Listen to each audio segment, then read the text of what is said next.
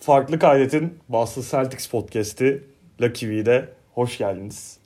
Çok Hoş bulduk. çok uzun bir aradan sonra tekrar Boston Celtics konuşmaya başlıyoruz. Takımın iyi de gitmesiyle beraber. Bugün yanımda FIBA Genel Sekreteri Sadık Mete Budak. Avrupa'nın önde gelen basketbol internet sitelerinden Europes'un baş yazarı Bilal Baray Yardımcı ve ben Arma Kaynar. Evet. Türk dünya üzerindeki tek gerçek futbolu anlatan Evet. isim olarak Arma Kaynar. alır. Dünya Kupası da bitmişken. Ve ara ara arkadan bağıracağını duyacağınız büyük olasılıkla Rafa evimizin kedisi. Tekrar geri döndük. Beyler nasılsınız? Dünya pandemi atlattı abi. yani Podcast öncesi çok da özete gerek yok deyip buradan almak konuyu. Podcast yapmadığımız dönemdeki özet geçmeyelim deyip buradan girmek başarılı. biraz Covid konuşalım. Yani Mickey Mouse şampiyonlukları alındı Evet. bazı. Doğru. bu dönemde. nasıl do- nasıl şekilde doğru dedi. Bu arada yani Bilal Baran'ı bilmeyen, Bilal diyorum niye Bilal Baran değilsin. Bilal'i bilmeyen varsa kendisi eski bir Lebroncu ama doğru yolu bulup tövbe edip Boston Celtics saflarına geçti. Ergenlik döneminde herkesin hataları oluyor. Ya bu evde bir buçuk sene yaşayınca zaten aksi pek düşünülemezdi yani. Yani pek gelir gelmez biraz ben Jason Tatum'cıyım dedi ama okey kabul edilir bir cevap diye düşünüyorum. Evet evet. Yani şimdi geyik bir yana uzun süredir Lucky video yapmıyorduk. Tabii takımın bizim son yaptığımız haliyle şu anki halinin arasında dağlar kadar fark var haliyle. O dönemi çok ufak konu başlıkları olarak özet geçeceğim ben. Çünkü değinmek istediğiniz konular vardır mutlaka diye düşünüyorum. Deneye hiç gitti. Hani en ana konu olarak oradan en büyük değişiklik olarak oradan başlamak lazım. Ya Brad en büyük değişiklik değil de belki hani en tepe noktasından yani başlangıç evet. değişim ba- değişimin başladığı nokta o oldu bence. Danny Ainge zaten son senesinde bazı kalp sorunları yaşamıştı. Hem normal sezonunda hem playoff'ta sağlık sorunları yaşamıştı. Biraz ara vermek istiyorum dedi. GM'liği bıraktı. Brad Stevens pandemide çok yorulduğunu söyleyip koçluğu bırakmak istediğini söyledi. GM'liğe başladı. Bu nokta hakkında ben Brad Stevens için Lucky Weed'in eski bölümlerinde sık sık biz muhasebeci benzetmesini yapıyorduk. Ben biraz yerini bulduğunu düşünüyorum açıkçası. Yüzde yüz abi. Yani koçluğu bir yana bence Stevens'ın basketbola dair gördüğü şeyleri daha iyi yorumlayabileceği ve daha iyi daha iyi pencereden bakabileceği pozisyon yani GM'lik. Yani basketbol aklıyla alakalı hiçbir Aynen. şüphemiz olmadı zaten asla ama hani koçluğun içine biraz da işte liderlik, liderliğin de hani sadece işte takım yönetimi vesaire oradaki ego yönetimi falan da girdiğinde Brad Stevens bir tık hakikaten memur gibi kaldığı dönemler oluyordu. Bir de hani hırpalandığı da zaten o Covid dönemi vesaire ayrı bir konu. Bir de Danny Ainge'in özellikle son iki yılında biraz Maalesef hiçbir şekilde yani ben şey diye rotasyonu kırtasiyeden siksik şeyler alınacak şeklinde kurduğu için aynen. Yani- win now hamlesi yapmıyordu yani. Ya zaten ki bence Brad Stevens'ın GM'lik döneminde de o öyle bir yöneticiyle çalışmanın şeyini görüyoruz. Hani etkilerini görüyoruz. Geldiğinden beri çok net işte Derek White, Malcolm Brogdon tarzı. O geldiğinden beri ilk turdan topçu seçmedik galiba. zaten. Tabii de Horford takası aynı şekilde. Hani Kemba birinci tur şeklinde. Birinci turları komple win now hamlelere yığıp daha sonra işte Ime Udoka süreci yaşandı bir. Çok iyi bir savunma takımı. İnanılmaz işte. Ya Stevens hakkında mesela Abi buyur. şey vardı ya e, bizim rebuilding sürecinde çok iyi gidince takım hep şey konuşulmaya başlamıştı işte Brad Stevens'ınız mı olsun yoksa NBA'de bir yıldızınız mı olsun falan. Evet. Sonra Brad Stevens'la Celtics'in şeyi birazcık kötü gitmeye başlayınca o muhabbetler ortadan kalktı. Ama bence GM'liğiyle yaptıklarıyla tekrar bu tartışmayı gündeme getirmiş olabilir yani. Bu konuda mesela ne düşünüyorsunuz? Yani Brad Stevens'ınız mı olsun yoksa bir yıldızınız mı olsun? Cevabı Brad Stevens verilebilir mi yani bu, bu sorunun cevabına? Ya bence NBA'deki hiçbir GM için herhangi bir yıldız oyuncuyu tartışmam yani. Bu arada biz bundan büyük olsak da 4 yıl önce falan Brad Stevens'ı aset sıralamasında 5-6'ya yazmışızdır o dönemde. Çok daha... Yani. Evet ama Kyrie Irving'le falan kötü anılarımız olduğu için o dönemde böyle apır sapır salladığımız ama ya şey biraz nasıl diyeyim Mete'ye katılıyorum ben orada. Hani oyuncu koç işte ya da yönetici kıyaslaması çok ayrı. Bir de orada hani deneyince biraz sallamış gibi olduk da ne olursa olsun eline tabii canım. inanılmaz hani yönetici olarak da etrafında takım kurmanın çok rahat olduğu bir çekirdek bıraktığı da ortada şimdi. Bizim rotasyona baktığın zaman işte Jason, Jalen, Marcus, Rob. Rob, Grant. Grant, Pritchard hepsi Ainge döneminin hamleleri. Hani o açıdan bakınca gelişmeye de çok müsait bir şey olduğu düşününce bence normal.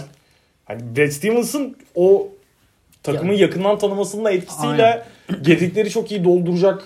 Yani Nokta takımın projeksiyonu aslında hep e, yüksekti yani bunu hep biliyorduk. Ama e, birazcık da timing olarak da Stevens bence GM'lere geçerken iyi bir iyi bir noktada yakaladı yani.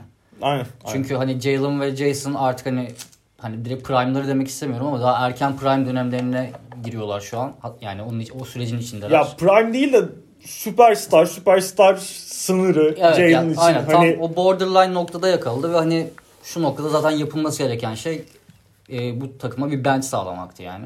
O da o hamleleri doğru yaptı şu ana kadar.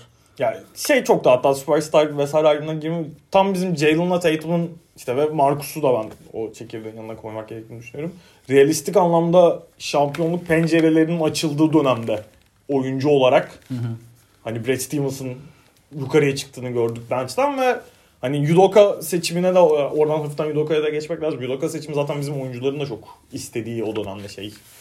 Özellikle işte Jalen Brown'un falan zenci koç istiyoruz tarzı biraz daha basketbol sahası dışı açıklamaları vardı ama hani zaten Amerika milli takımından tanıdıkları biriydi ve hani Yudoka'nın aslında biraz Brad Stevens sonrası dönem için ben şey olduğunu da düşünüyorum karakter olarak yaptığı rezillikler ayrı ama hani koç karakteri Koç olarak karakter olarak çok ihtiyacı olan ihtiyacı olan bir biraz daha oyuncuların olgunlaşmasını sağlayabilecek bir profildi bence. O yüzden hani zaten geçen sene de o şeyi bir noktadan sonra çok rezalet başladıktan sonra sezona hani tarihin en iyi sezon içi değişimi belki de. Aynen.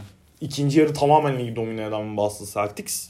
Playoff'lar ki yani playoff'larda da bence zaten finalde biraz hani gazımızın bitmesine de sebep olan işte Brooklyn, Bucks, Miami özellikle Bucks ve Miami, Miami serileri inanılmaz sert geçti ve hani Ve belki de yani orada daha önce konuştuk mu aramızda Miami serisinin 7. maça bile kalmaması gerekiyordu aslında. belki değil bence Yani- kalmaması, yani kalmaması gerekiyordu. Ama ya abi orada işte hem bizim oyuncuların şimdi şampiyonluk penceresinin açılmasıyla o prime noktaya gelmek cidden farklı şeyler. Biraz o az önce onun altını çizmeye çalışırken söylemeye çalıştığım oydu benim. Hani buraları öğrenmek gerekiyor ki zaten işte Derek White'in geçenlerde röportajı oldu. Jason Tatum final serisinden sonra yaptı açıklamalar falan hep söyledi.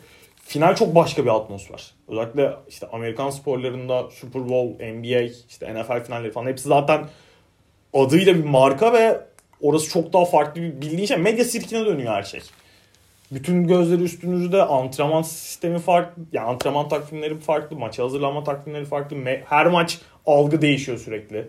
Yani genel anlatı, genel Ya bir de zaten yani Celtics ve Lakers hariç galiba her takım Do- Doğu Konferansı şampiyonu, Batı Konferansı şampiyonu diye filama açıyor. Yani oradan da E, finallerin başka bir şey olduğunu görebiliriz aslında. Ki bence biraz geçen seneki takımda şeyden sonra özellikle çok zor bir yoldan geçip Miami'yi t- eleyip işte konferans finali olduktan sonra şimdi şeyi düşünüyorum biraz. O dönemde tabii çok hoşumuza gidiyordu ki doğal da böyle bu kadar genç bir takımın konferans finalini öyle kutlaması ama biraz şeydi yani bizim takımın kutlamaları bir tık daha şampiyonluk kutlaması gibi hani başardık olduk şeyi vardı. Biraz o çok normal. Hayatları boyunca işte Horford mesela genç tayfadan değil ama hani yıllarca NBA'de oynadı. İlk kez defalarca playofflarda patladıktan sonra ilk kez o seviyeye çıktı ve şey yani hepsinin bir tam nasıl diyeyim Yani bir mental mental Aynen. aşılmış orada, oldu orada. Onu da tabii ki kutlamaları normaldi yani. Aynen öyle ve e, ya gayet kazanabileceğimiz bir final serisinde ilk dördüncü maçın son 5 dakikasına yani seride 2-1 Evet. skorda da yaklaşık 10 sayı 10 önüne girdikten sonra Steph Curry happens. Bitmedi mi orada ya sezon? Aynen.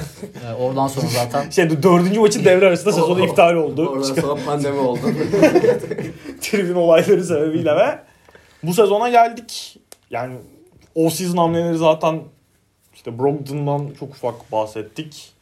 Üzerine Gallinari eklemesi her ne kadar maalesef kullanamasak da kullanamasak da hani rüya gibi off season daha sonra ama sezonun başlamasına çok kısa bir süre kala Yudoka skandalı patladı. Üzerine işte Gallinari'nin sakatlığı, Rob'un ameliyatı derken sene başında algı bayağı çok Gereksiz negatif, bir karamsar, yani. karamsar bir algı vardı. Yani ben şey hatırlıyorum bu NBA'in işte ya da işte Amerika'daki medya platformlarının falan Power Ranking falan yaparken böyle Celtics'in 7'ye 8'e yazıldığı işte 51.5 galibiyet e, 51.5 mu 53.5 mu?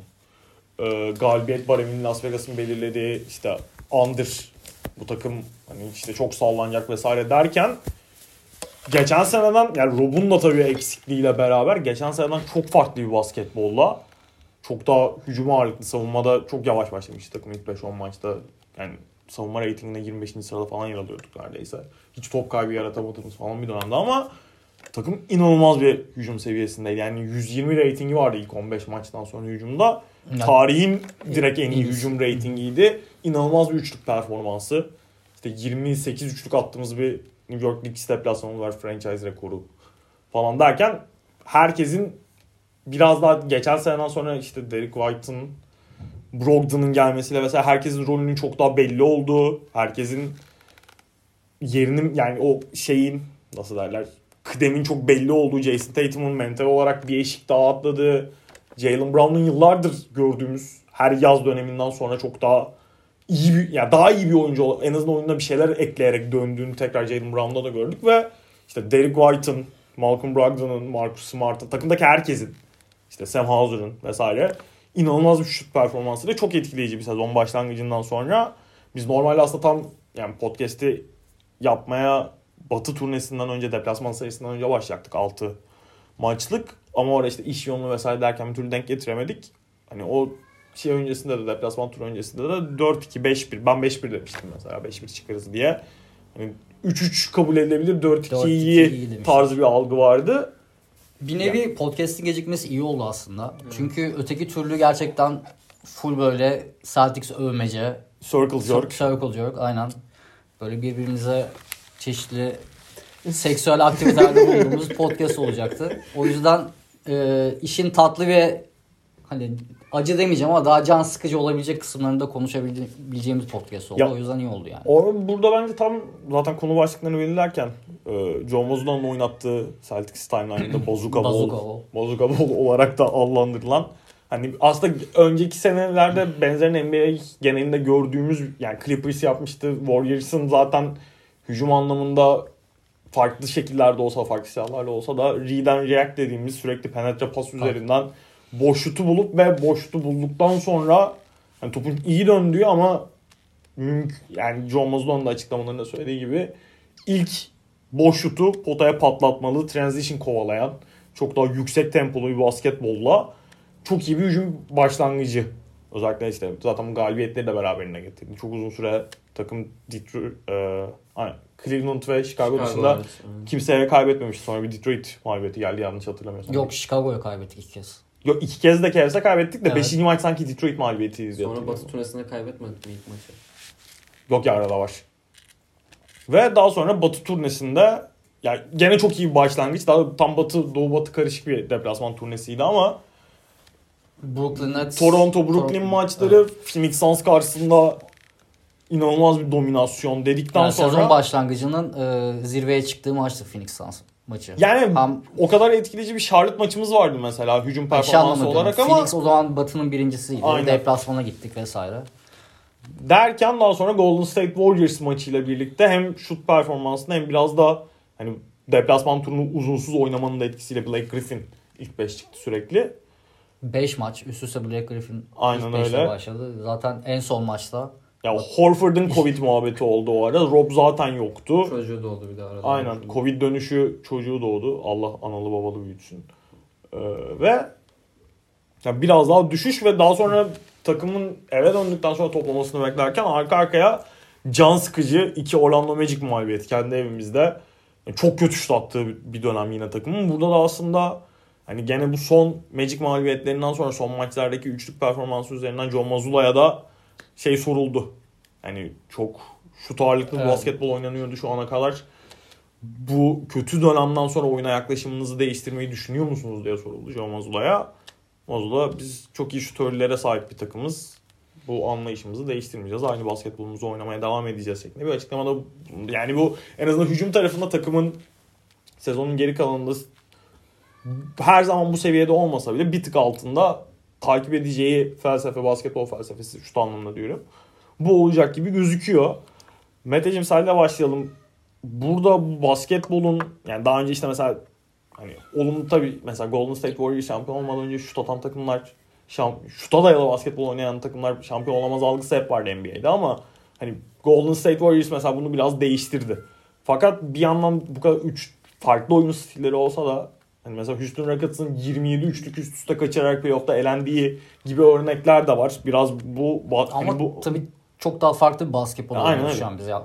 O Houston Rockets'la karşılaştırılmaz daha. Ya, çok- Ya benim altın çizmek istediğim şey playoff ortamında işler iyice sıkılaştığında, eller titremeye başladığında şu, sürekli şuta güvenmenin bir noktada kumara dönüşme işi var. Çok iyi şutörlere sahip olsam bile. Çünkü psikolojik bir iş de iş aynı zamanda. Yani çok iyi şut atan oyunculara sahip olabilirsin ama o rüzgar döndüğünde, eller titremeye başladığında sıkıntı yaratabilecek de bir şey. Yani zaten tam olarak da bu noktada sen nasıl bu oyun felsefesindeki değişimi nasıl görüyorsun, nasıl değerlendiriyorsun diye senle başlayalım. Ya Sonra şimdi-.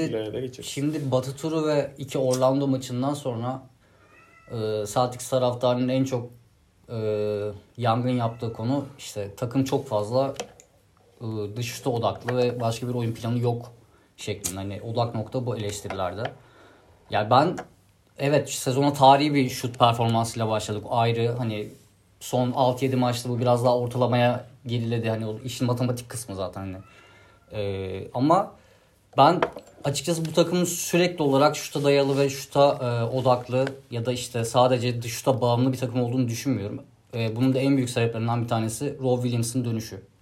Çünkü burada bizim için en temel konu yani hücumda e, çok fazla dışa bağımlı bir takım olarak eğer addediliyorsanız bunun e, sebeplerinden bir tanesi e, hücumda space yaratabildiğiniz anlamına geliyor. Yani bir alan yaratabiliyorsunuz ki demek ki şut buluyorsunuz. Yani sonuçta eline topu alan patlatmıyor potaya. Genelde bizim bulduğumuz çoğu şut gerçekten wide open. E, işte şutörlerimizin sokabileceği şutlar oluyor. E bunun için bir alan yaratıyorsunuz demek demek bu da. E şimdi bu spacing'i en çok bize e, hücumdaki getirilerinden bir tanesi Rob Williams gibi bir lob tehditinizin olması. Yani Rob Williams'ın dönmesi tam iki Orlando maçında kaybetmiş olabiliriz ama hani hiçbir şekilde o Rob'un bizim için anlamını ifade eden iki maç olmadı. Ee, bence Rob Williams'ın dönüşüyle birlikte e, daha fazla boyalı alan sayısı bulacağımızı düşünüyorum ve dışa dışa bağımlı bir takım olarak e, def- define edeceğini düşünmüyorum bu takımın uzun vadede. Ee, yani bir de şöyle şöyle de bir e, nok- nokta var söylemek istediğim.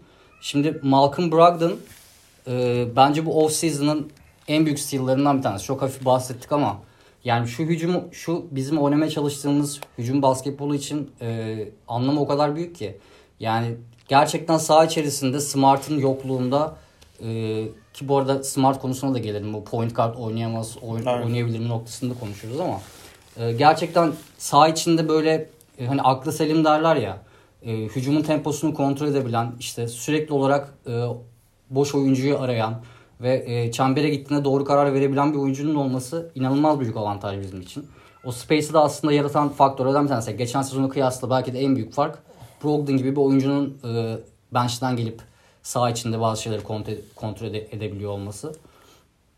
E, yani bu şekilde değerlendiriyorum ben Mazula'ya geçişteki e, o geçiş, geçiş şeyini, sürecini böyle değerlendiriyorum.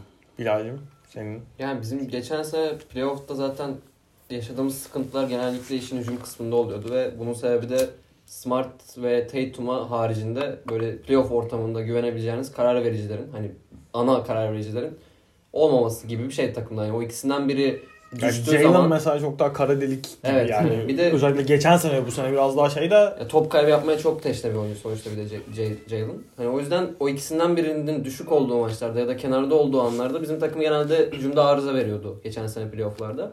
Ve Mete zaten bahsetti. Brogdon burada aynı inanılmaz bir şey katıyor takıma. Çünkü Smart ve Tatum aynı anda kenarda olsa bile mesela sahadayken bu- bir hücum yönetebileceğini size görebiliyorsunuz ki zaten Pacers'ta da Brogdon takımın en iyi oyuncusuydu belki de. Yani Sabonis vardı, Brogdon vardı ve o takımın full zamanlı karar vericisi, full zamanlı yöneticisi Brogdon'dı. Yani o, o, in- o Pacers takımında gayet iyi bir takım. Hani bunu kotarabilen bir oyuncu zaten. E bizim takıma baktığımızda şimdi Brogdon'un yanında e, az önce bahsettim playoff'ta hani karar vermesine güvenebileceğiniz oyuncular yok belki ama kötü pasör de yok takımda. Hani rota, ana rotasyonun 8 oyuncusu da top eline geldiğinde doğru kararı, doğru pası verebil, verebiliyor en azından. O yüzden bence bu takımın zaten oynamaya çok teşne olduğu bir oyun tarzı bizim şu an oynadığımız oyun tarzı. Bu sürekli drive and kick topun dolaşması falan. Yani çünkü hiçbir oyuncuya top gittiğinde şey demiyorsun hani ama tamam hücum bitti işte bu pas vermez ya da verirse de kötü verir, kötü karar verir demiyorsun. Grant Williams'ı zaten hani o konuda belki de en sıkıntı yaratabilecek isim olarak görülebilir ana şemada. O bile hani hakikaten bu sene özellikle closeout'lara saldırma konusunda olsun, doğru pası bulma konusunda olsun o da bir seviye üste koymuş gibi gözüküyor. O yüzden hani ben takımın e, yetenek setine çok uygun bir oyun oynadığını düşünüyorum açıkçası. E, savunma kısmı okey hani verimliliğe baktığımızda geçen seneden daha düşük konumdayız. Hani geçen sene Ya- tarihin belki de en iyi savunmalarından biriydik ama ben bunun şemasal bir sorundan kaynaklandığını düşünmüyorum açıkçası. Tamamen hani birazcık yavaş baş, hani vitesin ikide Ya- başlamasına yoruyorum. Orada ben. şeyin de çok etkisi var. Yani öyle bir hücum performansıyla başlıyorsun ki zaten sahadaki top adedi de çok fazla artıyor. Skor e, baremini çok yükseltiyorsun ve hani zaten çok iyi hücum ettiğin için yani savunmada yani her takıma da 50 sayı fark atamazsın yani. Hani bu da basketbol Ya yok bir gerçekten. yerde abi bir de şeyi çok gördük mesela ki bizim hani sezon başlangıcında ilk işte Philadelphia maçıyla başladık. Miami maçı vardı hemen ardına.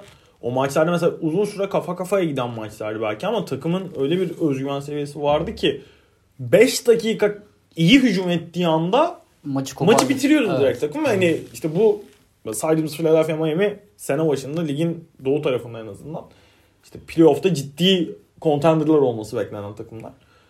Hani bu takımlardan seviye bir tık daha düştüğünde özellikle o sezon başlangıcında yetenek seviyesi daha düşük takımlara karşı böyle ikinci çeyrek ve üçüncü çeyrekte bir anda takımın maçı bitirip e, tamam biz bu maçı aldık zaten diye böyle ikinci, üçüncü viteste oynadığı dönemleri de gördük. bir de bu kadar iyi şut atıyorken ve iyi hücum ediyorken zaten bir noktada hani ben bu maçı hücumumla kazanırım. Savunmada kendimi çok yormayayım psikolojisine girebilir oyuncular ve özellikle normal sezon başındayken hani çok da böyle çok şeyin ortada Ya- olmadığı maçlar oynuyorken. Ya bir de sonuçta hani geçen sezon o sezonu döndüren takımla şu an aramızda çok da bir fark yok personel olarak en azından. Hani yine yine Malcolm Brogdon diyeceğim. Herif yine iyi savunmacı yani. Hani iyi, iyi, iyi savunma takımına aslında iyi oyuncular da kattık o anlamda. Hani değişen bir şey yok. Hani takım bence birazcık da o konuda özgüven yani. Zaten savunma yapabileceğini istediği zaman biliyor yani. Ki öyle mesela 4 dakikada geçen sene nasıl 4 dakika hücum, iyi hücum ediyorduk maçları bitiriyorduk dedik. Bu sene de normal sonunda böyle 5 dakika savunmada böyle kemerleri çok sıkıp bir anda kopardığımız maçlar çok oldu. Yani ilk aklıma Sacramento maçı geliyor mesela. Hani o maçta direkt 5 dakika boyunca Kings'i Kings o ara de ligin en iyi ikinci hücumuydu. Verimlilik şey, verimlilik şey sıralamasında.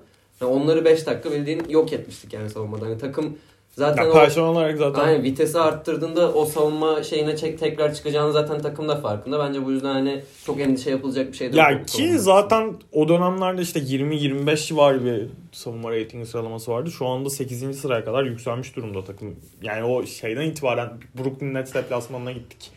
Daha bir 2-3 hafta önce orada Brooklyn'le böyle gene hani skor olarak belki yakın geçen ama oyunu net olarak kontrol ettiğimiz maç oynamıştık. O maçtan itibaren de savunmada biraz daha vidalar sıkılmaya başladı zaten. Hani bu Batı turnu mesela o 6 maçlık dönemi yani işte Doğu Batı turu o Brooklyn maçıyla başlayan o süreci savunma reytinginde birinci geçti takım. Ha, şeyde de hücum reytinginde de çok düştü orada özellikle işte Clippers ve Warriors maçlarındaki çok kötü şut performansları falan hani onları ayrı bir kenara koyuyorum ama o da ister istemez biraz aşağıya çekti hücum performansını. Zaten hala şu anda hücum reytinginde birinciyiz ama 116.8'e kadar gerilemiş vaziyette. Hani şuta bağlı olmayla alakalı şeyi söylemek lazım. Takımın yani şuta evet çok fazla üçlük atıyor ama özellikle işte Jalen'ın mesela en kuvvetli silahlarından biri bu sene de çok iyi gene orta mesafe atıyor ama Jalen dışında takımda Tatum dahil olmak üzere eskisi kadar orta mesafeye kimse gitmiyor neredeyse. Jalen, ay Tatum kariyerinin en boyalı alandaki en şey dönemini geçiriyor. Verimli dönemini geçiriyor. Hani orta mesafe şutlarında çok eleyip sürekli ya boyalı alanda ya üçlük çizgisinin gerisinde bitirdiğimiz için hücumları ben de orada çok şey olduğunu düşünmüyorum. Yani takımlar üçlü üçlük çizgisinde bizi çok kovalamaya başladığında, üçlük attırmamaya odaklandığında işte Brogdon'un da varlığıyla beraber çok daha delici, boyalı alana baskı kurabilen zaten sürekli o şutları da boyalı alana kurduğu baskının devamını bulduğu için şut profilini ve hücum profilini ciddi anlamda değiştirmiş bir takım var. Ha şeyi unutmamak lazım. Yani işte son 3-4 maçta çok kötü şut attık. Hani bu deplasman turunun ortasından itibaren. Ama hani hem çok abuk subuk bir fikstürdü o deplasman turu. İlk iki maç Brooklyn, Toronto back to back'i. Daha sonra işte arada birkaç gün vardı. Phoenix Suns Golden State maçları ki Golden State maçı cidden bayağı sert geçti. Yani Golden State şu anda Sezonun en iyi maçını oynadı. ya sezonun en iyi maçını oynadı. Sezonun bence şu ana kadarki yaklaşım olarak da en, önem, en önem verdikleri maçını maçtı? Mesaj Son, gibi maçı gibi. aynen son final şeyi olduğu için ha, ki bizim için bence can sıkıcı bir maçtı. Evet. Yani takımın normal sezonun içerisinde düştüğü, kötü şut attığı, yorulduğu dönemler Mutlaka olacak. Bu Steph çok- Curry çok can sıkıcı Bu ya. çok bu çok doğal ama takımın psikolojisi psikolojisi için bence Golden State maçını o şekilde kaybetmek, o düşüşü orada yaşamak ve hani işte geçen sezon zaten hali hazırda finallerde takımın üstünde bir travma bırakmış bir rakibe karşı bunu yaşamak Ya bir de çok psikolojiyi de havayı da değiştirdi geçen bence. sene finallerden bir maç izlemiş gibi bir maç Evet, izledik yani. Tatum'un inanılmaz verimsiz ve kötü oyna- oynadığı bir maçtı vesaire. Steph Curry çok iyi top oynadı yine. Clay Sezonun sezonun en iyi iyi topunu topunu oynadı. oynadı. Yani çok Ya can sıkıcı Şey maç. maçı da öyleydi mesela. Miami maçı da hani kaybettim uzatmada kaybettiğimiz zaman Miami maçı. Jimmy Butler'ın. Hani o maçta da aynı geçen sene bir playoff'tan maç izliyor gibiydik aslında. Ama hani Ya o maçın ama- etkisi şey olmadı. Ama Golden mesela State şey kadar abi. Golden State maçını çünkü bence oradaki sebep şu biz de yoğun oynadık. Evet. Biz, bizim takımın yaklaşımı da cidden bir playoff maçı gibiydi. Ama işte mesela kaybet Cleveland'da iki uzatma iki kez uzatmalık kaybettiğimiz maçlar. Cleveland gerçekten o maçları yoğunluk anlamında hani sezon maçı gibi oynadı. Bizim için sezonun normal sezonun dördüncü maçıydı. Yani o şey anlamında yaklaşım anlamında. Hani o dönem zaten Cleveland çok çok iyi bir savunma takımı. Mesela o, konuda da hani ki Donovan Mitchell inanılmaz girmişti sezona. Hani hakkını veriyorum Cleveland. Cidden ha- hak etmediği maçları kazanmadılar ama iki takımın yaklaşımının farklı olduğunu çok net görebiliyordun. Hani Chicago çok canımızı sıktı zaten. Hani Yani şu sezonun tek şu noktasında neredeyse. Chicago'yu iki kere maç kaybetmiş olmak çok saçma geliyor abi. Ama yani Baktığın zaman. Zaten ilk kaybettiğimiz maç şeydi. İnanılmaz bir ilk çeyrek oynadık. Ama ben gel 20 öndeydik 20 ile kaybettik. Aa, ya ben bir gözle izledim o yayındaydı o esnada ya da hiç izledim. İlk çeyrekte hani şey kafasında. Aa tamam biz bu maçı da aldık bitti kafasındaydım. Ondan sonra çok sert bir düşüş. Chicago çok iyi oynadı. 20'ye yatırdılar ondan sonra. Chicago'ya daha sonra bir daha kaybettik. Ama hani şey yani takımı zaten normal sezonda dalgalanmalarının olması çok normal. Orada hani Joe Mazzulla ile alakalı oyun felsefesini konuştuk. Joe Mazzulla ile olarak alakalı genel olarak eklemek istediğiniz bir şey var mı? Yani kumdan kale muhabbeti var.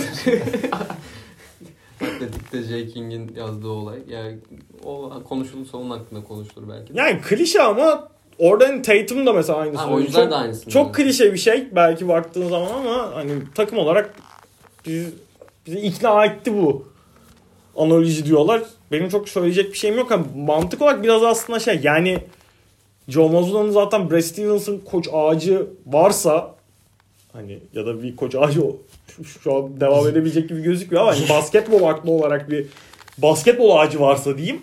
Joe Mazzulla oradaki isimlerden biriydi. Yıllarca Brad Stevens'ın asistanlığını yani hemen baş asistan olmasa bile staffında yer almış biri. günlerde 2019'da Evet. yazdığı detaylı raporu. Aynen. Ya yok ama hani şey olarak ben mesela Brad Stevens'tan bazı şeyleri de görüyorsun. Ee, hani Brad Stevens'ın oyuna yaklaşımındaki bazı noktaları görüyorsun. Mesela Brad Stevens da hücumda ne olursa olsun ki Amir Johnson bile maç başına 5 üçlük attığı dönem vardı. Mesela şey düşün takımın oynadığı hücumda doğru şut oydu. Ve hani sürekli Ve doğru şut. Aynen.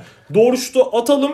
Kimin attığı o kadar önemli değil. Şu anda bunu çok daha iyi bir personelde oynuyoruz. Hani mesela ya da işte birkaç maçta son toplarda ATO sonrası alanla döndü. Brad Stevens'ın her neredeyse maç sonu uyguladığı bir şeydi bu. Mola almama, mecbur kalmadıkça mola almama alışkanlığı olmaz olan. Yine Brad Stevens'ın çok sevdiği, hani zaman zaman bunu uyguladığını görüyorduk ki hala zaten basketbol aklı Ya olarak o büyük olasılıkla- almama konusunda da çok eleştiri alıyor da bence yine orada hani oyuncuların söyledikleri önemli. Oyuncularda hani Tatum bir açıklaması vardı.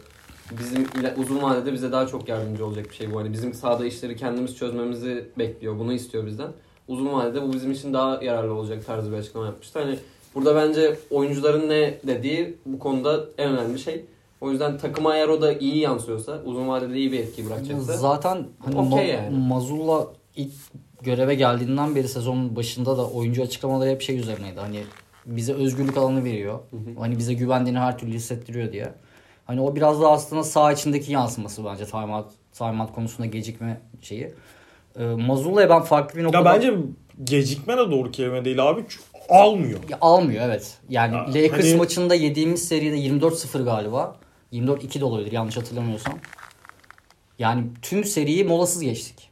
Aynen. Yani hani bu normal bir NBA maçında sık sık görebileceğiniz bir şey değil. Yani bir e, tanking yapan bir takım dahi tanking yapan bir takım takım dahi öyle bir seride hani mola alır, alır yani. Hani çok gözlemlediğimiz bir şey değil. Ben Mazula'ya şey noktasından başlayacağım. Siz zaten saha içinde oldukça fazla konuştunuz. Aslında bence Mazula'nın gelişi e, Boston Celtics organizasyonunda ne kadar sağlıklı bir yapılanma sürecinde olduğunu gösteren şeylerden bir tanesi bence. E, çünkü elinizde bir final oynamış bir takım var. Belli ki her personeliyle, her yönüyle gerçekten tekrar NBA finali oynayabilecek ve şampiyon olabilecek bir e, şeye sahipsiniz, malzemeye sahipsiniz. Ve hani final oynatan koçunuz saçma sapan bir sebeple durup dururken şok edici şekilde takımın başından ayrılıyor. Ve sizin gittiğiniz ilk e, aday direkt olarak bir asistan koç. Yani Kendi bu içinizden kendi kendi içinizden yani hani bir herhangi bir şirket için bile bir basketbol takımı için demiyorum. Kendi içerisinden personel çıkarabilmek bir boşluğu e, orada gerçekten iyi işlerin yapıldığını gösteren bir detay bence. Hani e, hepimiz şey olduk. Yani Mazul'la ya dair çok da bir fikrimiz yoktu. Asistan koçtu. Tamam biliyorduk işte 2019'da çıkan o Quizlet'ini andığımız kadarıyla rakip takımın scouting'ini de yapıyormuş. Ama hani beklenti çoğu insanın şeydi yani hani eğer böyle bir malzeme varsa çok daha büyük isimli bir koçu getirmek, onu ikna etmek gibi. Çok Ama daha Frank Vogel'ı falan getirebilirdik mesela. Ya yok mesela Hiç Frank kazmadan. ben tam şeyi söyleyecektim. Yani Mozula'nın koç ekibi için falan mesela yanına asistan olarak Frank Vogel getir gelse mi falan tarzı muhabbet. Dedikodularda çıkmıştı yok işte Frank Vogel Boston'da falan diye tweetler gördüğüm oldu benim ama hani orada Mete'nin söylediği yapıya güvenmek, o takımın yıllardır ortaya koyduğu bir basketbol aklı var sonuçta öyle ya da böyle bir yatırım yapılmış bir kadro var. Ki yani ben sene başında biz işte e, bizim Yiğit'le kayıt 143'te biz birkaç podcast yaptık. Hani orada da Joe Moz- Udok'a gittikten hemen sonra konuşmuştuk. Biz ben hani Joe Mazzulla'nın geçen seneki Ime Udoka'dan hani geçen senenin işte 2022'nin pardon 21'in Haziran yok pardon Eylül ayında ayıyla Joe Mazzulla'nın 2022 Eylül ayındaki hani profil olarak karşılaştığınızda ne farkı var dersen Udoka'nın biraz daha bench önünde oturmuşluğu var koç olarak. Tabii ki hani oradaki maç tecrübesi falan başka bir şey ama John Mazzulla'nın hani hem takımı tanıyor olması yani sistemin içinden geliyor olması o kadar kısa bir süre kala ve hani sonuçta Udoka'da çaylak bir koçtu. Tabii. Ne olursa head coach olarak ilk kez bizde görev aldı. Bekleniyordu belki. Ha ya da şey olmasa Utah Jazz işte Will Hardy'yi bizim gene koç ekibinden Udoka'nın baş asistanını geçen de Hardy almasa belki ona gidilecekti. John Mazzulla'ya da gidilecekti ama hani ikinci asistana bile gidip bu bu ortamı yaratabilmek cidden etkileyici. Bence ama Burada, burada şu da var bence. Ee, sonuçta şu an bizim takımımızın ana malzemesi, ana yapı taşları çok uzun süredir beraber oynayan ve birbirini çok uzun süredir tanıyan e, parçalar. E, Dolayısıyla bu da bir e, takım içerisinde bir kimya oluşturuyor. Yani bir e, yani o environment, takım içerisindeki o çevre, o e, oradaki enerji yıllar içinde oluşan bir şey. Ve hani buraya her ne olursa olsun bir oyuncuyu, ana bir oyuncuyu değiştirmeseniz bile e, yeni bir koçun gelmesi yeni bir environment yaratmak demek oluyor takım içerisinde. Yani sonuçta mesela Frank Vogel geldiği zaman Vogel NBA'de işte yıllarca koçluk yapmış. Bilinen iyi koç. olan. Şampiyonluğu olan bir koç. Farklı bir e, ortam yaratabilirdi. Ve şu an Mazzulla'yı aslında sezon başında getirerek interim koç olarak getirerek o risk faktörünü bence biraz şey olmuş e, aza çekmiş olduk. Çünkü Mazzulla zaten işler kötü gitseydi bir sezon çok kötü başlasaydık. Şu an 22-8 değil de ne bileyim 15-15 olsaydık mesela ya da işte %50 bariminde kalsaydık Joe Mazzulla da tekrar asistanlığa çekip üzerine başka bir koç getirme şansın daha yüksek yani. Bunu yapabilirsin sezon içerisinde ama sezon başında o kimyaya güvenip o da- daha çok alanı korumaya, o çevreyi e, kimyayı korumaya yönelik hamle yapmak mantıklıydı bence. Ya bir de Bakınca. Celtics belki de şu an NBA'deki takımlara baktığımızda en az eksen o gerektiren takım olabilir belki de. Çünkü Mete'nin bahsettiği gibi ana çekirdek çok uzun süredir beraber oynuyor. Belli bir oy- oyun şeması, başarılı olacağını gördüğü bir oyun şeması var takımın elinde. Ve herhangi bir koçun çok böyle takımı gelip kurcalaması e, olumsuz bir etki bile yapabilirdi bu takıma. Aynen. Çünkü zaten başarılı olmuş formülü bulmuş bir takım vardı. Bu takıma en önemli şey bunu istikrarı koruyabilecek, e, o takımdaki çevreyi bilen birini getirmekti. O yüzden Zaten sezon başı oldu. hani üçümüz de hiç karamsar değildik sezon Evet. başında hani genel çizilen tabloya göre. Çünkü takım zaten ne oynadığını biliyordu, ne oynaması gerektiğini biliyordu. E, kazanan formülü bulmuştu. Dolayısıyla hani hiç karamsar olmaya gerek olmayan bir bence tablo vardı. Hani tabii ki Galinari olsa hoş olurdu, güzel olurdu şu an. Ya çok daha abuk subuk bir Çok, hücum çok daha abuk sabuk bir hücum takımı olabilirdik ama e, netice olarak Ya bence işin şey tarafı var yine de.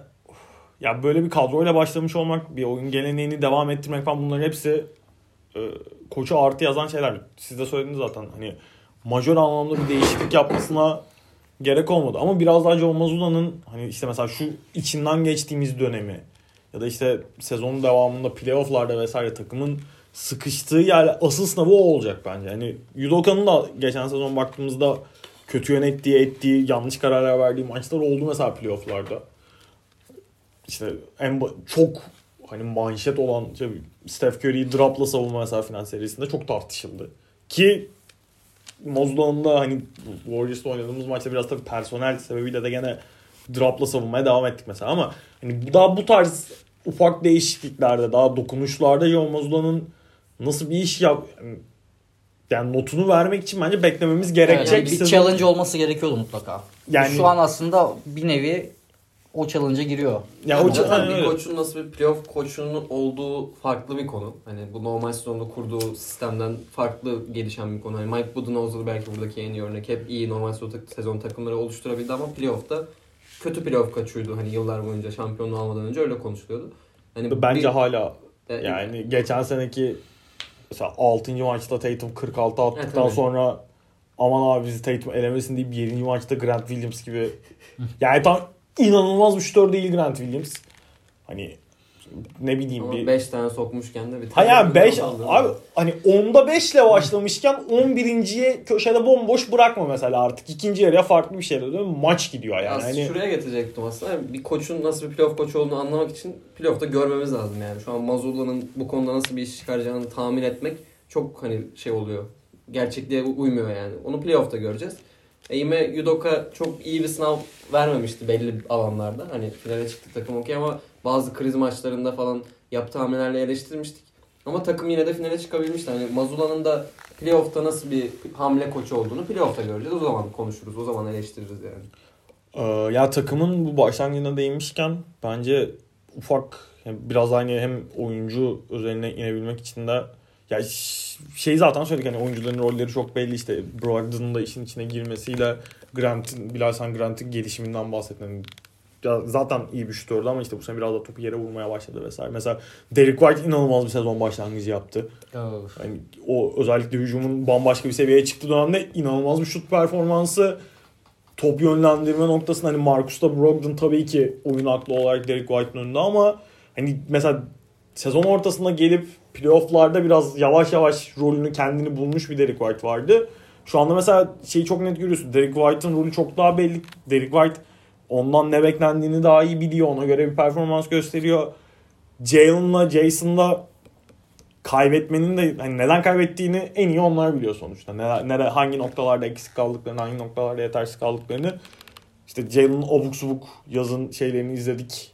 Ee, Ee, workout evet. şeylerini ki mesela o suyun altındaki abuk subuk bir workout videosu vardı. Onu sordular sezon başladıktan sonra. Şeyi söyledi. Ben top sürerken hani çok yukarıda, gövdemi çok yukarıda tutarak sürüyordum. Oradaki dikkat ederseniz o videolarda işte daha şey bacaklara çöküp bacakları kuvvetle- kuvvetlendirip daha yere sağlam basarak top sürebilmem için, top kaybını azaltabilmek için öyle bir antrenman yapıyordum tarzı bir açıklaması oldu mesela.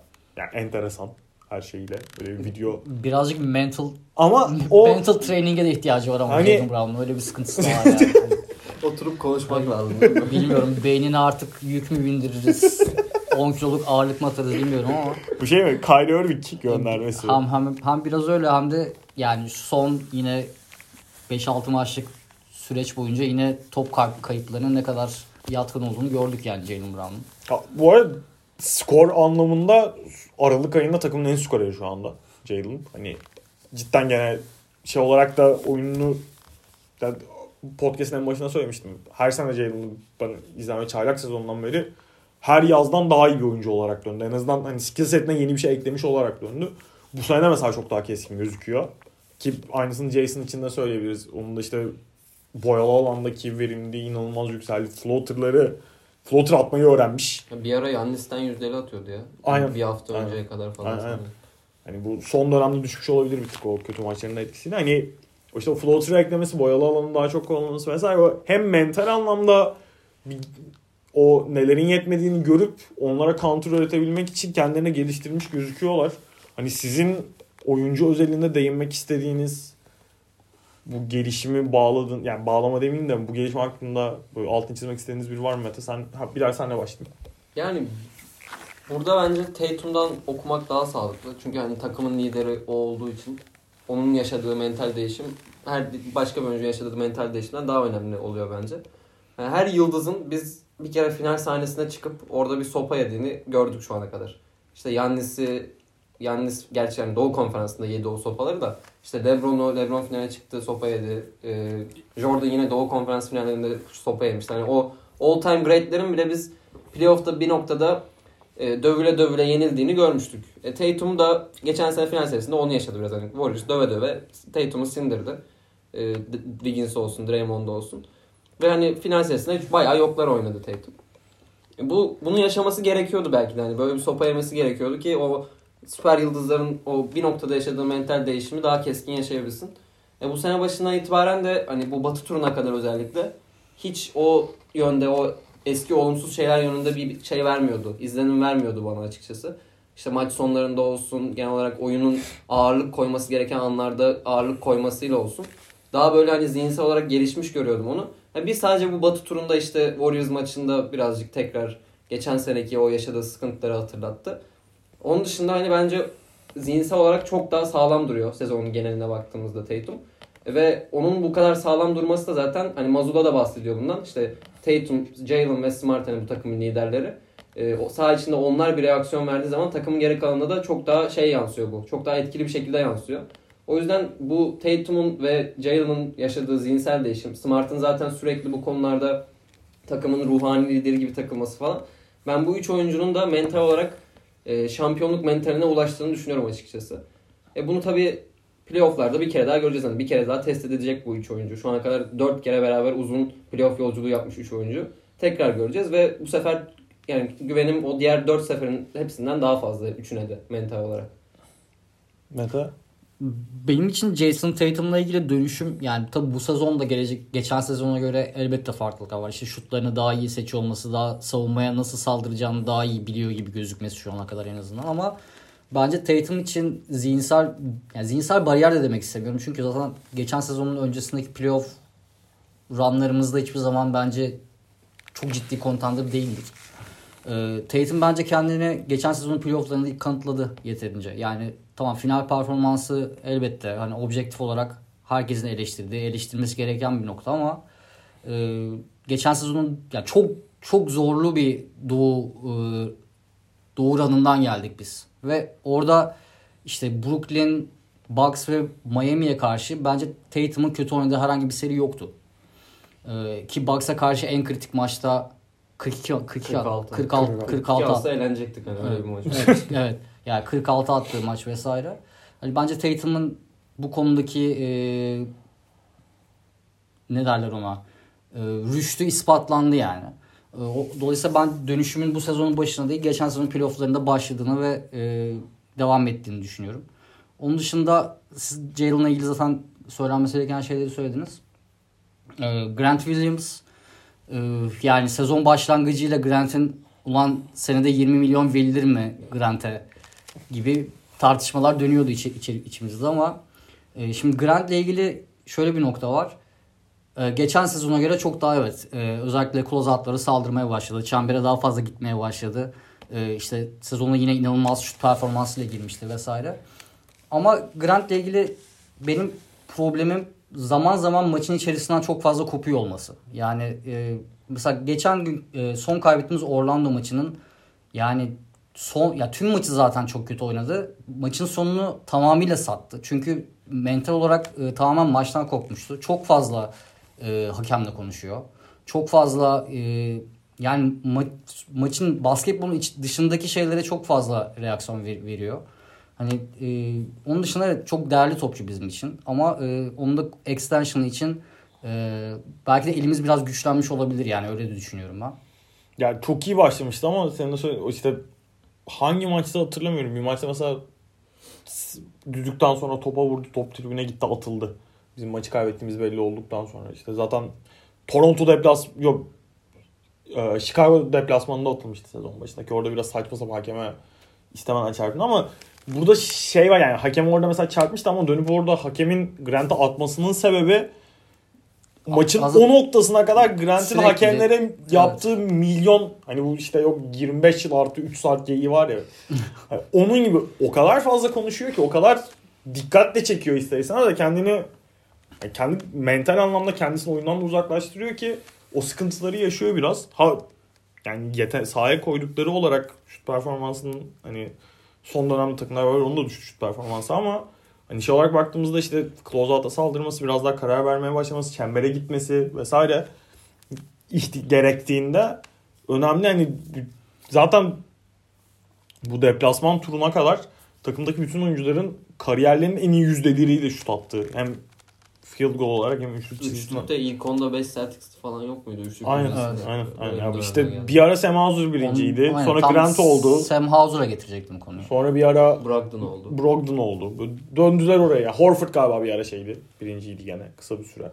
Ya Sam, Sam Hauser e, ya şimdi Sam Hauser sürpriz olmadı diyen insan bence yalan söylüyordur. Yani Ya ya da Sam Hauser'ı her gün Celtics kampında izleyen falan biri olması lazım bence. Ya Yani, ama geçen sene şey söylüyor. inanılmaz bir şutör deniyordu. Hani böyle işte antrenmanlarla falan işte oyunculardan çok iyi bir şutör olduğu söyleniyordu ama yani rotasyon içerisine bu kadar girebileceğini ben çok tahmin etmiyordum açıkçası. Ee, bir de hani Celtics'in en son sahip olduğu bu derece işte hani, hani e, knockdown shooter olarak sayabileceğimiz son oyuncu hani benim aklıma Eda Az geliyor. yani yok gibi. Ya, Düşününce. o rolde kullanabileceğimiz bir Luigi oyun, Datome. e, o rolde kullanabileceğimiz bir şutör katmamız, rotasyona dahil olması çok büyük avantaj oldu. E, hani o da yine son Batı turundan beri kötü şut atıyor ama hani o biraz da takımın hücum e, temposunun tamamen yavaşlaması ve pas e, e, pasın yani topun dolaşmasının yavaşlamasıyla alakalı. E, Sam Hauser çok güzel sürpriz oldu. E, baktığın zaman sezonun çok iyi oynadığımız kısmında yine Batı turuna kadar kısmında yine savunmada da e, çok fazla sırıttığını görmedik yani.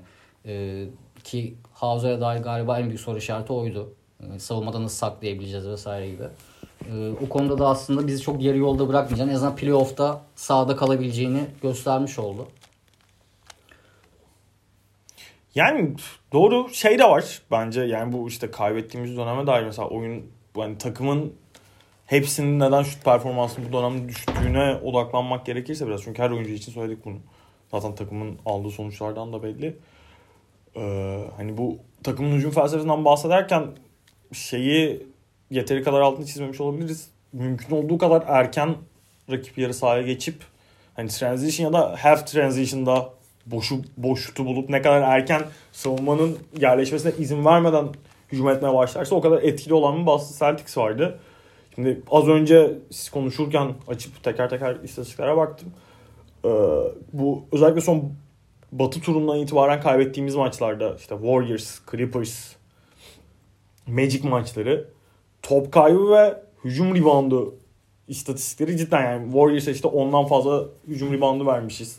Clippers'a aynı şekilde Orlando'ya ilk maçta ondan fazla hücum reboundu veriyoruz. İşte son maçta 17 top kaybımız var. Şimdi bunları bu kadar şey yaptığında sürekli olarak zaten fast break yiyorsun. Hücum reboundu verdiğin zaman transition'a çıkman o kadar kolay olmuyor. İkinci şans sayısı yani ikinci şans sayısı verdiğin zaman ve sürekli oturmuş takıma karşı, savunmada seni bekleyen karşı takıma karşı hücum ediyorsun ki Orlando Magic zaten saçma sapan fizikli bir takım.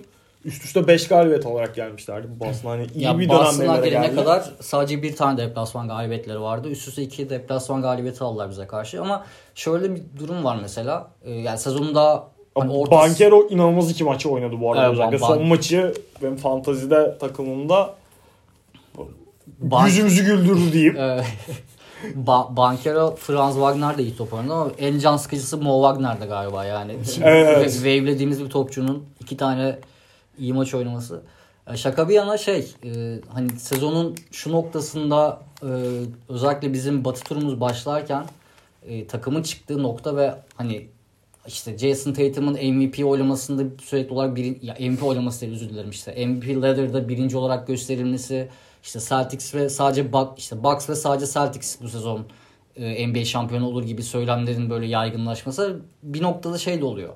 E, ya NBA'de şu noktada oynadığınız normal sezon maçının en nihayetinde e, gelip geldiği nokta sahada kim daha fazla efor gösteriyor takım olarak. E, siz bu noktadasınız. Artık takımlar sizle oynayacağı maçları birazcık hani Celtics team to beat yani ye- yenilmesi gereken takım ligdeki. E, daha fazla eforla çıkıyorlar. Bir taraftan zaten siz e, daha yorgun olan tarafta tarafsınız. İşte yine Batı turunda Blake Griffin'in üst üste 5 maç oynaması e, ilk 5 başlayıp vesaire.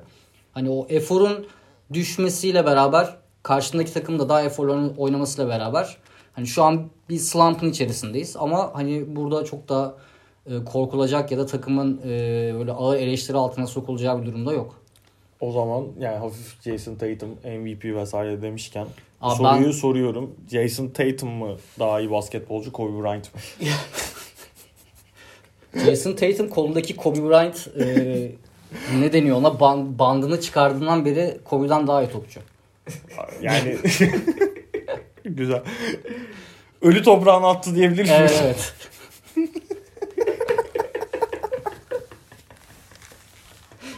Kesinlikle Ee, yani şeyden diyorum yanlış anlaşılmasın. ee, Kobe ile alakalı değil. Geçen sezon final falan böyle işte sürekli Kobe tişörtleri. Hani Kobe öldüğü için demedim bunu. Yanlış anlaşılsın işte ama. Ee, o, o ara ne darladı ya. Ben ora yani tam bir yandan şey diyordum hani çocuk tamam işte hayalini yaşıyor. Yaşasın de o işte sürekli Kobe tişörtleriyle gezmeler.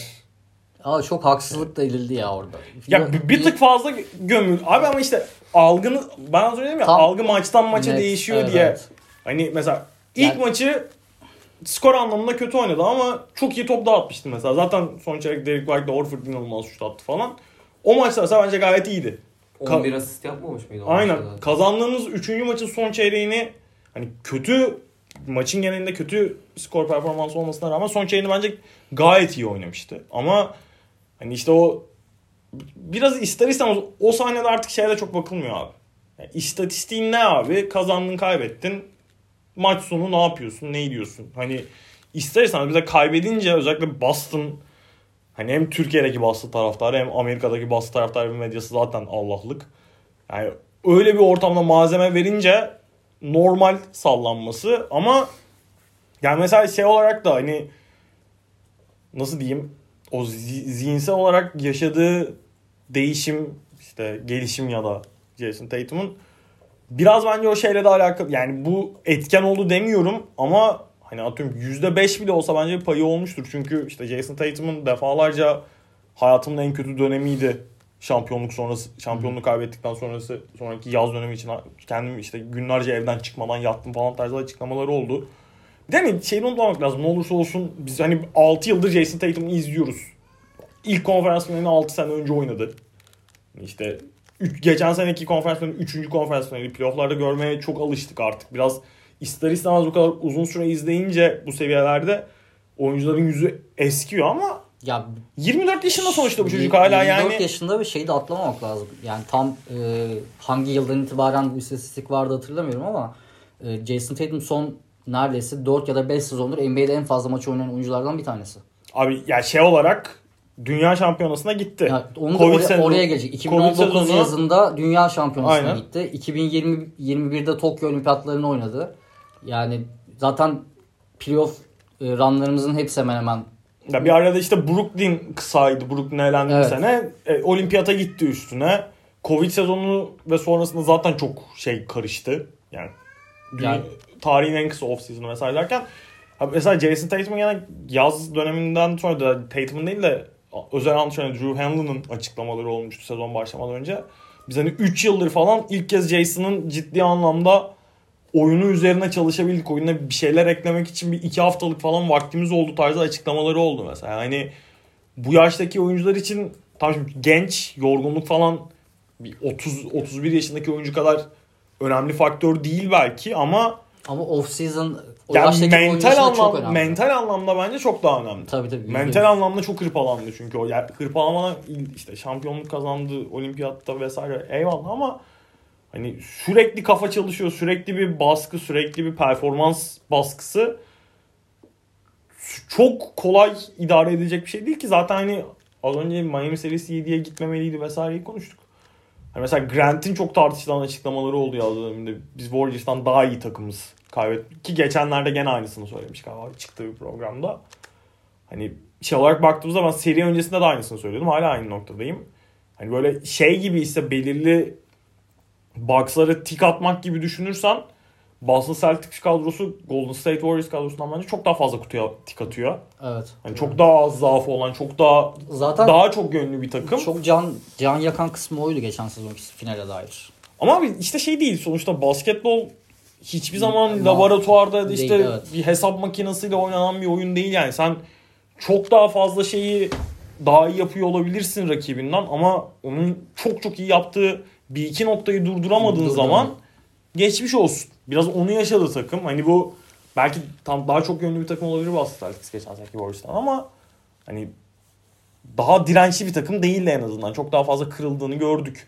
Hani Brooklyn serisinde, Brooklyn'de görmedik de Bucks serisinde gördük dönem dönem maç içerisinde. Hani mesela o, o serinin de 7'ye belki gitmemiz. Gitmemesi. Beş, kaybettiğimiz 5. maçın hani Yine son 5 İzah yok. dakikada 10 sayıdan vermiştik. o 3,5 dakikada falan verdik. Yani o maçın mesela izahı yok. Ondan sonra Miami serisinde gene 5. maçın izahı yok. Hani o yüzden o mental hırpalanmayı da çok e, göz ardı etmemek lazım. Ben Kobe'den iyi oyuncu mu diye sordum az önce de. E, yani çok tartışılıyor MVP muhabbeti. Çok gündeme geliyor ki hani son iki Or zaten son Orlando maçında oynamadı. Ondan önceki Orlando yani son çıkan MVP ladder'da bile birinci sıradaydı gene. İşte bahis oranlarına falan bir değilse iki en kötü ve hani ciddi bir rüzgarda almış durumda en azından genel olarak medyada. Bilal hani ne düşünüyorsun Jason Tatum'un gerçekten bir MVP seviyesinde oynuyor mu sence ya da ödülü alacak kadar bir performansını devam ettirebilir mi? Yani Celtics bu şekilde iyi olmaya devam ettikçe sıralamalarda olsun e, ve Tatum lider olmaya devam ettikçe bence MVP'lik için çok ciddi şans var. Çünkü yani pace olarak 60 galibiyetlik bir sezon olabilecek şekilde ilerliyoruz gayet. E, bu takımın açık ara saha, içi, saha içinde en yetenekli oyuncusu, en iyi oyuncusu ödülle ödüllendiriliyor zaten genel, genellikle. Yani bunun aksi örnekleri de var işte Warriors gibi ama Warriors'ta da çok bölünüyordu o Curry'si, e, Durant'i falan zaten iki direkt MVP adayı. Yani burada direkt Tatum öne çıkıyor. Ve şu ana kadar gösterdiği performans da bende bence hani ligin en iyi takımının en iyi oyuncusu olarak düşünürsek kısaca MVP'lik için gayet yeterli.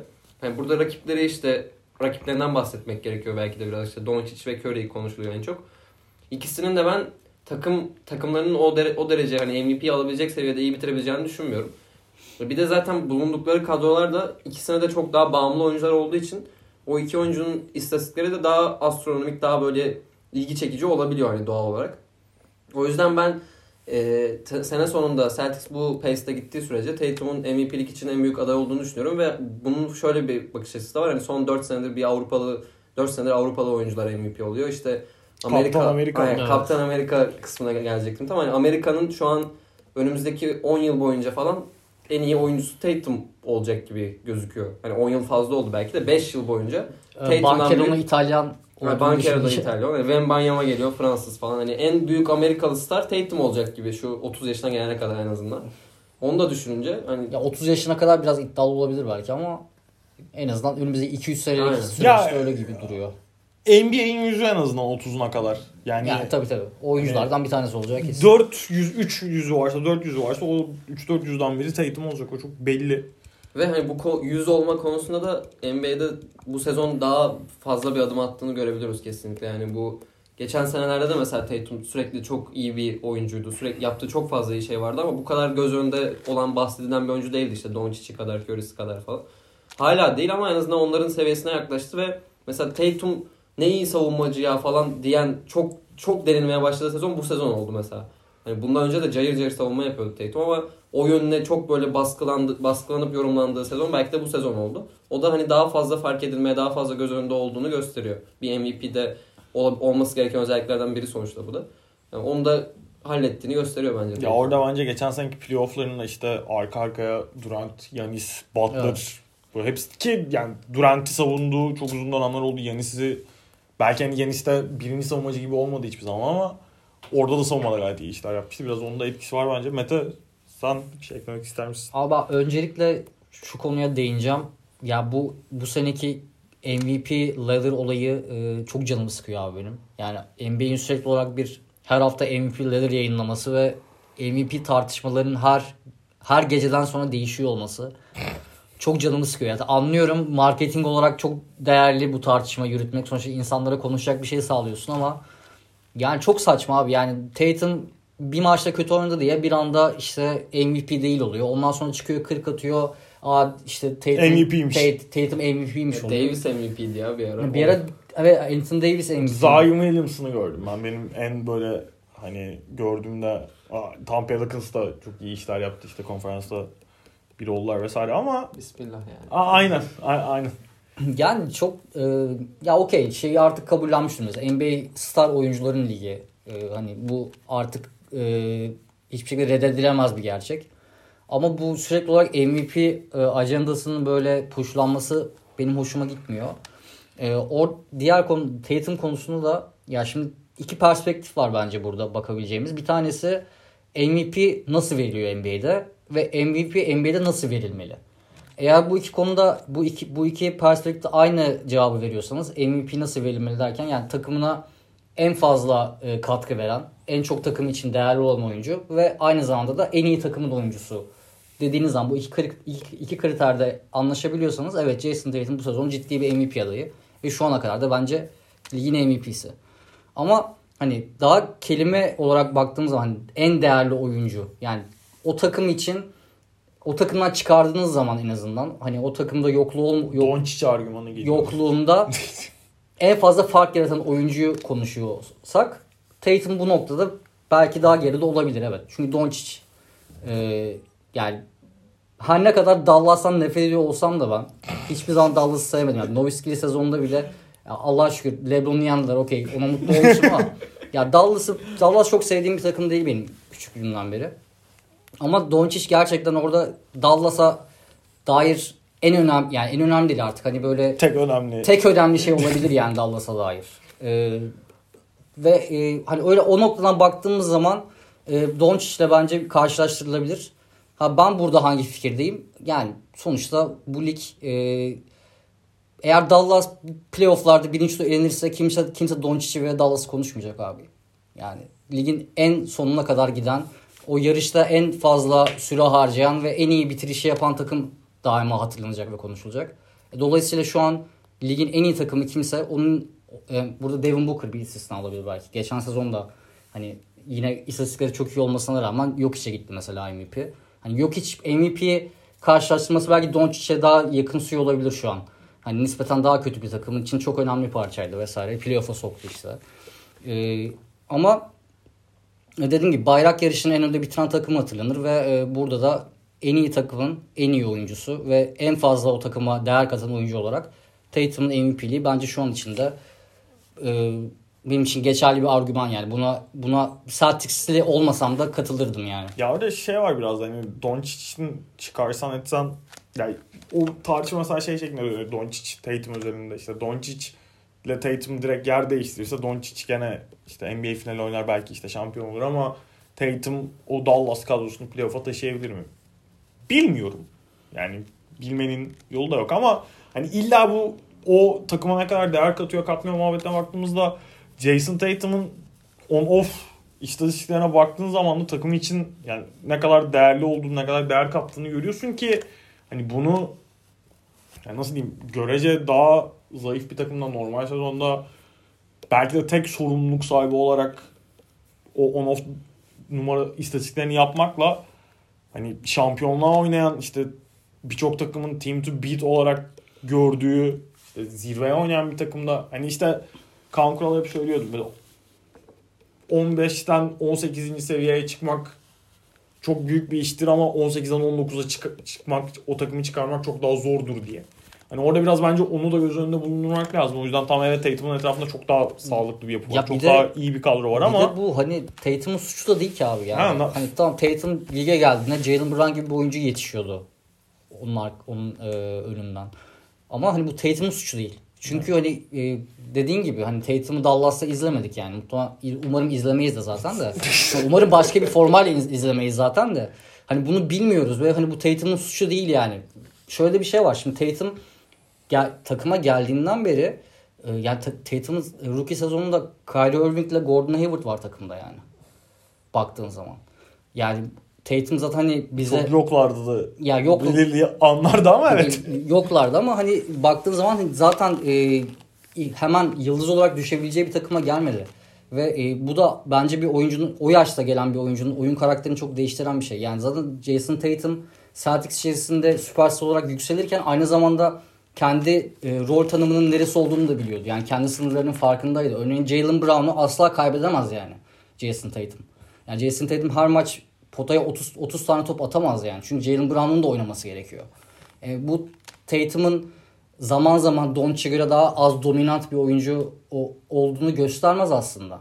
Çünkü Tatum'un oynaması gereken basketbol farklı bir basketbol şu an Doncic'e göre ya da diğer sayabileceğimiz daha etrafında kötü parça olan oyunculara göre, süperstarlara göre. Yani bu da Tatum'un suçu değil kesinlikle. Aksine bence Tatum'a dair övülmesi gereken şeylerden bir tanesi. Ya oyun tarzları farklı burada. Hani Tatum'dan Doncic gibi oynamasını bekleyemezsin. Doncic'ten Tatum gibi oynamasını bekleyemezsin. Ama bu ikisinin de oyuna yaptığı etki arasında bir karşılaştırma ortaya çıkartmıyor bence aslında. Çünkü o zaman hani mesela Doncic hücumda çok yük çekiyor okey. Ama Tatum kadar iyi çift yönlü bir oyuncu değil. Hani mesela oyunun bir kısmında neredeyse Tatum'un hani yarısı kadar falan bile etkili değil. E o zaman onu da tartışmaya dahil etmemiz gerekiyor ki hani gayet de önemli bir argüman bence bu. Yani oyun tarzlarının farklılığı yüzünden iki oyuncunun oyuna etkisi bu o seviyedeki iki oyuncunun Yani kesinlikle yani bu tartışılmamalı. Hani bu faktörlere bakınca ikisini MVP adaylığında karşılaştırdığın zaman hani Doncic'in adaylığını çok net şekilde Tatum'un önüne koyabilecek bir argüman ya o kadar büyük bir argüman değil yani bu. Kesinlikle. O yüzden e, tabii ki de daha iyi e, sıralamaya sahip, daha iyi dereceye sahip olan takımın en değerli oyuncusunun MVP olması mantıklı. Eşyanın tabiatı. Eşyanın bu tabiatı. bölümde MVP'yi Tatum'a verdik. Önümüzdeki bölümlerde de sekans sekans.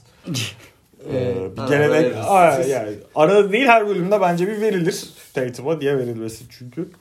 Ee, yani podcast öncesinde yazdığımız konu başlıklarını bitirdik biraz zaten dönem dönem oradan buraya zıpladığımız da oldu ama hani şeyi soracağım ben. Yani daha çok erken.